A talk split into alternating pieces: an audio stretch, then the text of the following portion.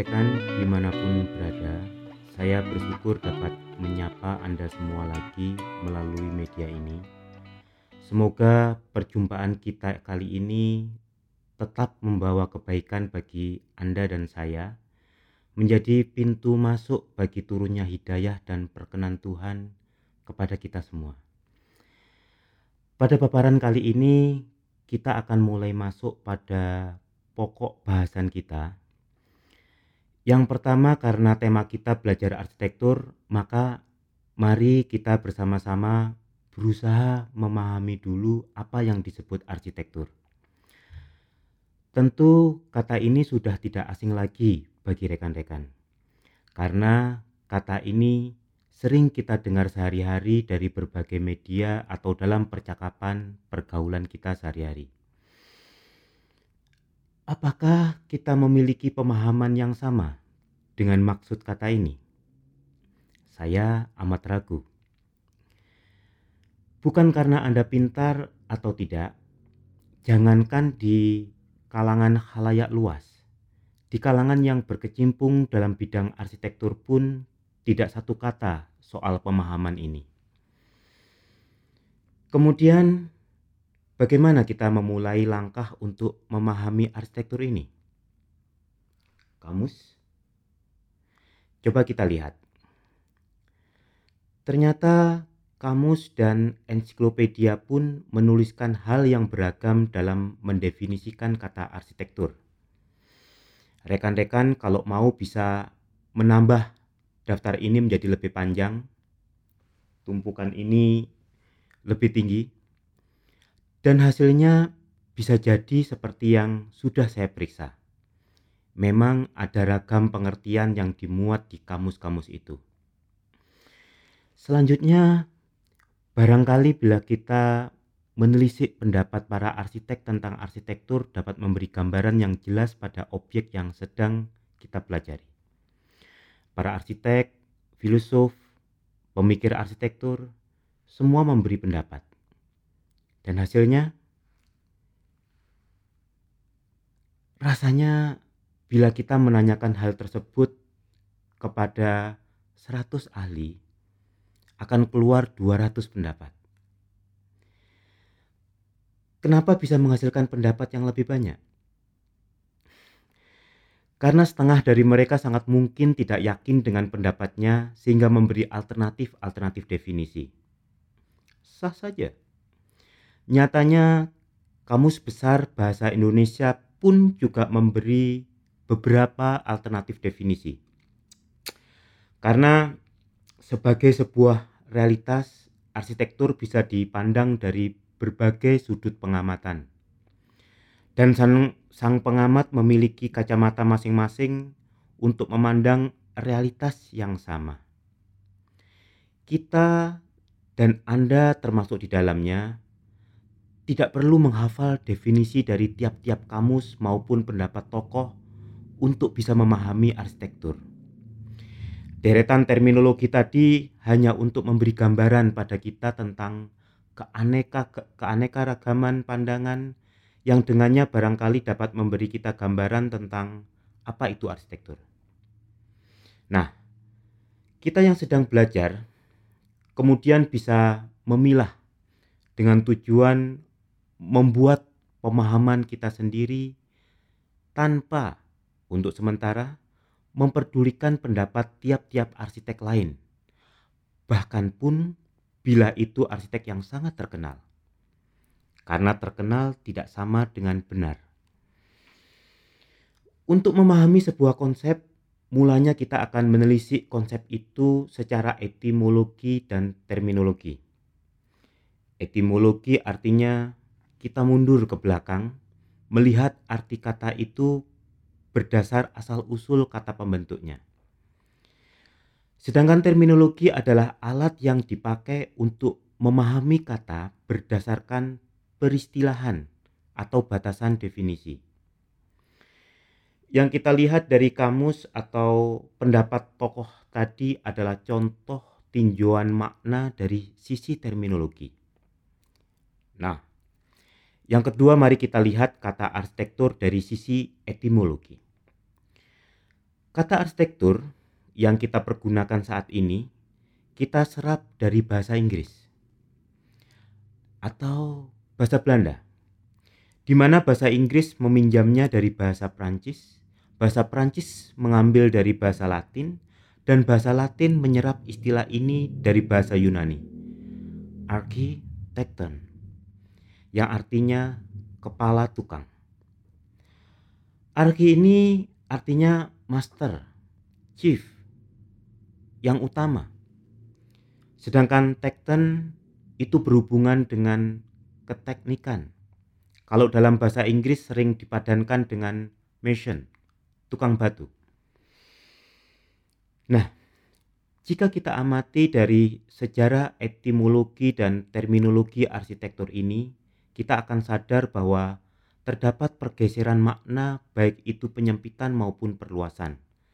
Tergantung pada masa mana kita melihat dan menurut pendapat siapa. Saya kira akan baik bila dalam hal ini kita mengambil benang merah dari berbagai definisi itu. Untuk kita pegang dulu, paling tidak kita memiliki pijakan awal sendiri untuk nanti dapat berkembang ketika kita mengetahui dan memahami kekayaan wacana di dalam arsitektur. Kita ambil beberapa pijakan definisi di atas. Kamus Besar Bahasa Indonesia menerjemahkan sebagai ilmu dan seni merancang serta membuat konstruksi bangunan, jembatan, dan sebagainya. Itu satu. Dua, kita ambil lagi misalnya Kamus Oxford. Ini merupakan kamus pertama yang mencantumkan kata arsitek pada 1563. Bila kita lihat kamus itu hari ini, disebutkan bahwa architecture, the art or practice of designing and constructing buildings. Ada kesamaan nafas dengan kamus besar bahasa Indonesia. Jadi bukan hanya terkait merancang saja, tapi juga membangun. Kenapa saya sitir hal ini terkait dikotomi merancang dan membangun tadi? Karena bagi sebagian arsitek seolah arsitek itu hanya mendesain, merancang, dan mengharamkan ikut membangun. Oke. Satu lagi kita lihat apa yang dikatakan undang-undang kita. Undang-Undang Nomor 6 Tahun 2017 tentang arsitek. Di sana disebutkan arsitektur adalah wujud hasil penerapan ilmu pengetahuan, teknologi, dan seni secara utuh dalam menggugah atau menggubah ruang dan lingkungan binaan sebagai bagian dari kebudayaan dan peradaban manusia yang memenuhi kaidah fungsi, kaidah konstruksi, dan kaidah estetika serta mencakup faktor keselamatan, keamanan, kesehatan, kenyamanan, dan kemudahan. Ya, memang panjang. Khas definisi peraturan perundangan. Memang harus lengkap, karena ini kan pagar. Lingkupnya tidak boleh multitafsir. Nah, kita lihat definisi dari undang-undang ini memiliki nafas yang agak berbeda dari Kamus Oxford ataupun Kamus Besar Bahasa Indonesia tadi dia lebih menekankan pada hasil, pada objeknya. Sedangkan di dua kamus itu lebih ke arah hulu, pada sumber dan prosesnya. Dia merupakan seni merancang dan membangun, sedang di undang-undang lebih pada wujud dari proses itu. Memang masih berhubungan, tetapi tetap saja beda. Dari sini rekan-rekan tidak perlu merasa bingung. Perbedaan pandangan dalam sebuah wacana tidak kemudian membuat kita tidak paham atas wacana itu. Tapi justru membuat kita lebih paham, termasuk juga karena pertentangan yang ada di dalamnya. Kita tahu bahwa yang dimaksud yaitu hanya saja ada beberapa pendapat yang satu lebih mengarah ke sana, yang lain lebih ke arah sini. Tidak ada apa-apa. Nanti semakin rekan-rekan belajar, akan semakin berdamai dengan hal semacam itu. Karena banyak dari hidup kita ini yang memang beragam. Dan kita tetap baik-baik saja hidup di dalamnya. Oke.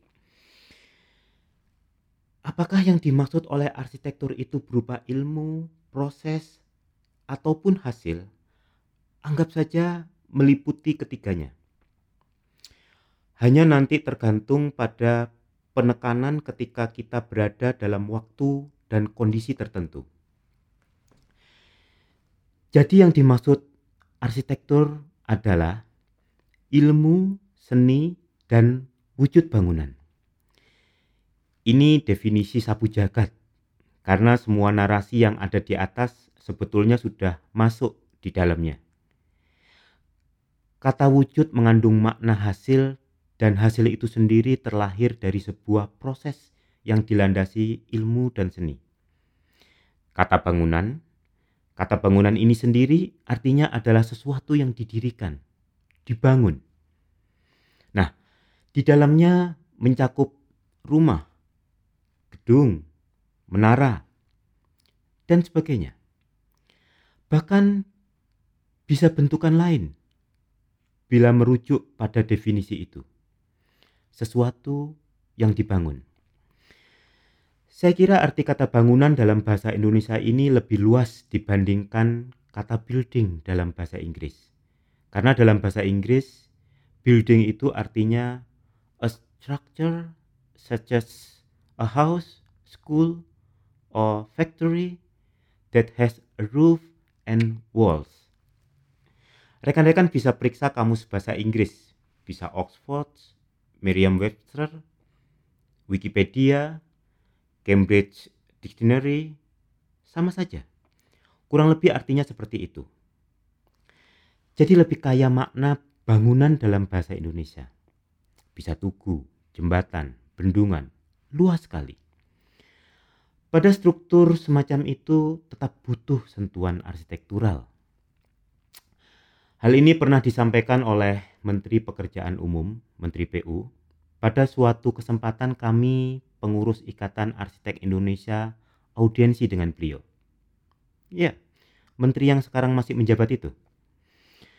Kebetulan saya ikut, beliau menyampaikan keinginannya agar semua proyek-proyek infrastruktur yang sedang ditangani kementeriannya seyogyanya mendapat sentuhan arsitektural sehingga di samping sisi fungsi terpenuhi kokoh secara struktur tetapi juga menampilkan keindahan dan hal-hal lain yang direfleksikan dari sisi arsitekturnya.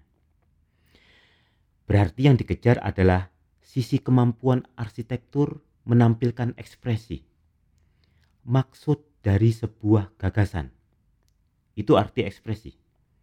Misalnya ekspresi keindahan.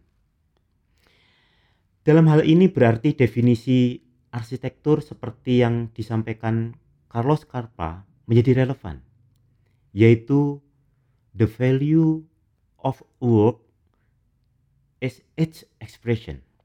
Nah, itu kan dekan-dekan, keragaman definisi tadi menjadi baik-baik saja. Karena terbukti, kadang itu diperlukan ketika kita pada satu realitas tertentu, seperti yang barusan ini. Jadi definisi singkat tadi bahwa arsitektur adalah ilmu, seni, dan wujud bangunan tetap cukup. Cukup valid untuk kita pakai sebagai pegangan dasar.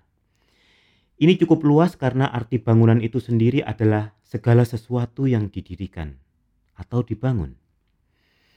Terkait definisi lain seperti dari para arsitek, nanti akan kita pahami kemudian.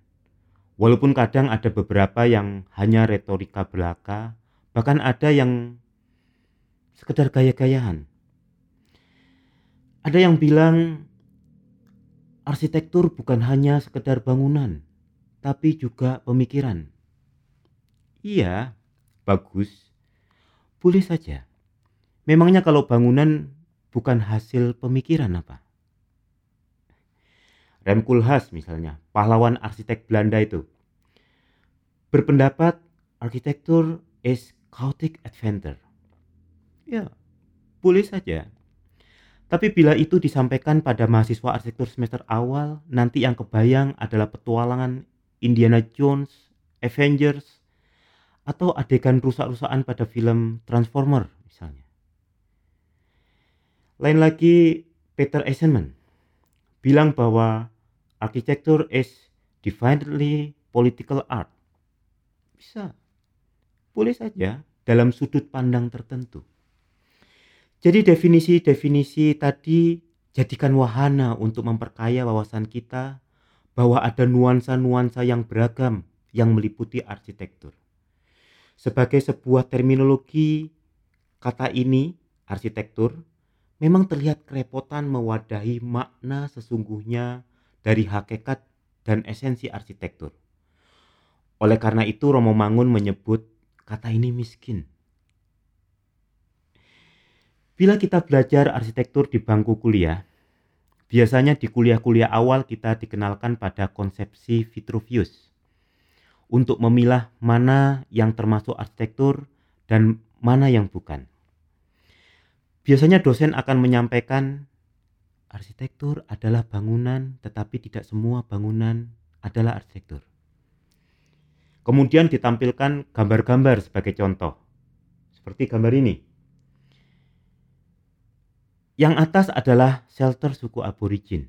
Sedangkan gambar bawah seperti yang kita semua tahu adalah gedung opera di Sydney. Sama-sama di Australia. Kemudian disimpulkan bahwa yang atas bukan arsitektur, yang bawah adalah karya arsitektur. Alasannya karena tidak memenuhi salah satu unsur kriteria Vitruvius, yaitu firmitas, utilitas, dan venustas atau kekokohan, fungsi, dan keindahan. Coba, terkadang kita tidak konsisten. Kalau membanggakan sejarah arsitektur, bilang bahwa arsitektur mulai ada sejak zaman prasejarah ketika manusia butuh tempat untuk bernaung dan berlindung. Tapi di saat yang lain disebutkan bangunan yang sangat sederhana, seperti itu, bukan arsitektur tidak fair. Menurut saya, betapapun sederhananya sebuah bangunan, dia tetap arsitektur. Firmitas, dia kokoh, tidak roboh. Utilitas, berfungsi untuk penghuninya dan nyaman bagi ukuran mereka. Keindahan, siapa yang dapat mengklaim nilai keindahan? Menurut saya tetap memiliki nilai keindahan pada dirinya. Oke, misalnya kemudian disebut kurang indah. Tetap saja, berarti ada nilai keindahan, tapi tidak menakjubkan. Tetap arsitektur kan? Apalagi bila dihubungkan dengan filsafat estetika yang barangkali akan kita bahas di paparan selanjutnya. Nanti anda juga akan mendapati beberapa bangunan dianggap bukan arsitektur, seperti misalnya Museum Guggenheim karya Frank Gehry, karena dianggap lebih kepada sculpture dan mengacaukan orientasi. Padahal ini adalah hasil pemenang sayembara dan hasil karya ini menghidupkan kota Bilbao di Spanyol atau tampang bangunan yang imitasi dan artificial seperti ini. Biasanya juga dianggap bukan arsitektur. Kalau menurut saya sebaiknya dikembalikan pada arti dasar tadi, bahwa arsitektur adalah ilmu, seni, dan wujud bangunan. Bedakan ketika kita mengidentifikasi bendanya dengan kualitas dari benda itu. Sebuah batu tetap batu walau tidak terlalu keras. Kalau meminjam istilah Heidegger, bedakan antara ada dan mengada. Sebagai sebuah fenomena, dia ada. Apakah kemudian mengada menunjukkan kualitas tertentu itu menjadi pembicaraan lain? Kalau saya cenderung untuk inklusif, memasukkan dulu bukan eksklusif, mengeluarkan dari definisi. Dengan demikian nanti kita akan menemukan kekayaan yang akan hilang bila kita menerapkan teorema yang rigid tadi. Kita ke kita dapat kehilangan kekayaan wacana karena banyak mengeluarkan berbagai karya dari khasana arsitektur. Bahkan ada sementara kecenderungan hanya mengakui arsitektur hanya yang dirancang oleh arsitek. Atau lebih jauh lagi, hanya oleh arsitek yang diakui oleh sebuah sertifikat. Ini adalah gambar rumah tradisional orang Musgum di Kamerun, Afrika. Sebuah arsitektur yang dibangun tanpa arsitek. Sebuah kearifan lokal yang diangkat dari kebutuhan, bahan, dan rasa setempat. Tapi coba perhatikan. Dari segi struktur, ternyata memenuhi kaidah sebuah struktur kubah dan mampu melahirkan citra sebuah bangunan Afrika yang unik, menarik, dengan nuansa tertentu yang tidak didapat bila dibangun di tempat lain. Ini adalah arsitektur juga. Sekali-sekali piknik ke dusun, Anda akan dapati bentuk-bentuk lumbung padi yang cantik seperti ini. Bukan hanya indah, ini menampilkan citra yang mempesona. Kadang berusaha selaras dengan alam yang bergunung-gunung di sekitarnya, kadang menyesuaikan dengan gangguan alam sehingga dibuat panggung. Tergambar jelas citra manusia yang membuatnya. Ini juga bukan dirancang oleh arsitek. Bukan dirancang oleh mereka yang dididik oleh perguruan tinggi Oke. Dalam pembicaraan kita tentang arsitektur sejak tadi, yang dimaksud terminologi didirikan atau dibangun adalah didirikan atau dibangun oleh manusia. Jadi, arsitektur yang kita bahas pada umumnya adalah karya manusia. Tapi kita tidak boleh lupa ada bentukan oleh makhluk lain yang juga memenuhi kaidah Vitruvius tadi. Coba resapi gambar berikut. Cangkang kerang. Kokoh dapat melindungi penghuninya. Fungsional sesuai anatomi tubuh sang kerang. Dan indah. Tidak terbantahkan.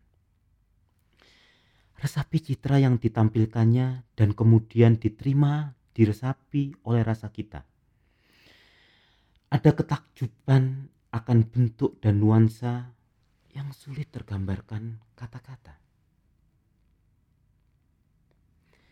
Bagaimana dengan yang ini? Indah sekali. Ini sarang burung manyar. Dulu waktu kecil saya sering mencari burung ini di pohon-pohon pinggir sawah desa saya.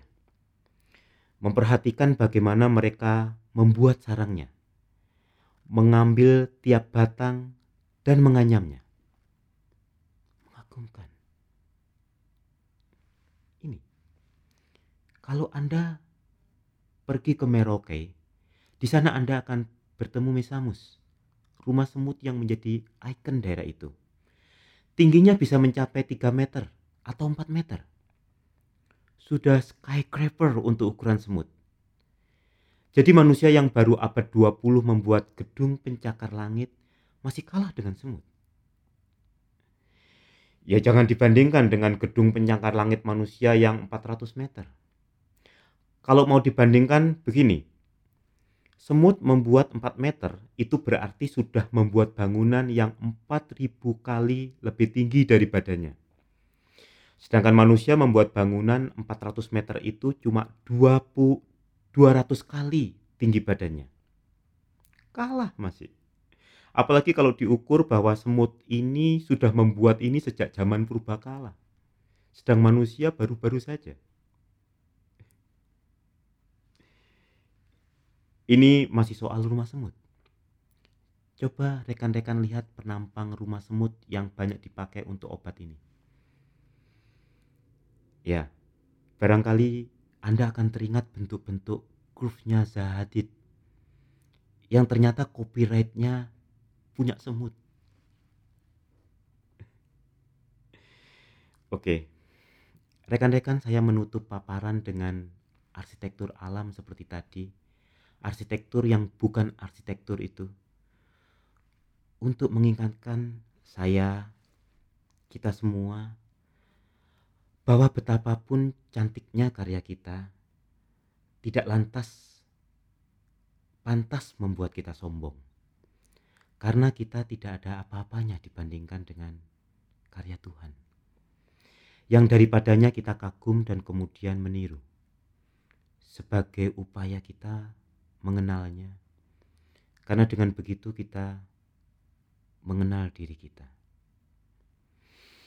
Baiklah, sampai di sini dulu. Dengan demikian berarti kita sudah belajar pengertian arsitektur secara dasar.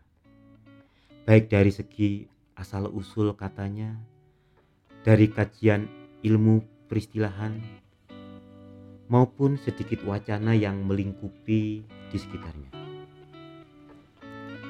Semoga ada manfaat bagi saya dan Anda dan apa pun yang saya paparkan tadi hanya Tuhan pemilik kebenaran sejati.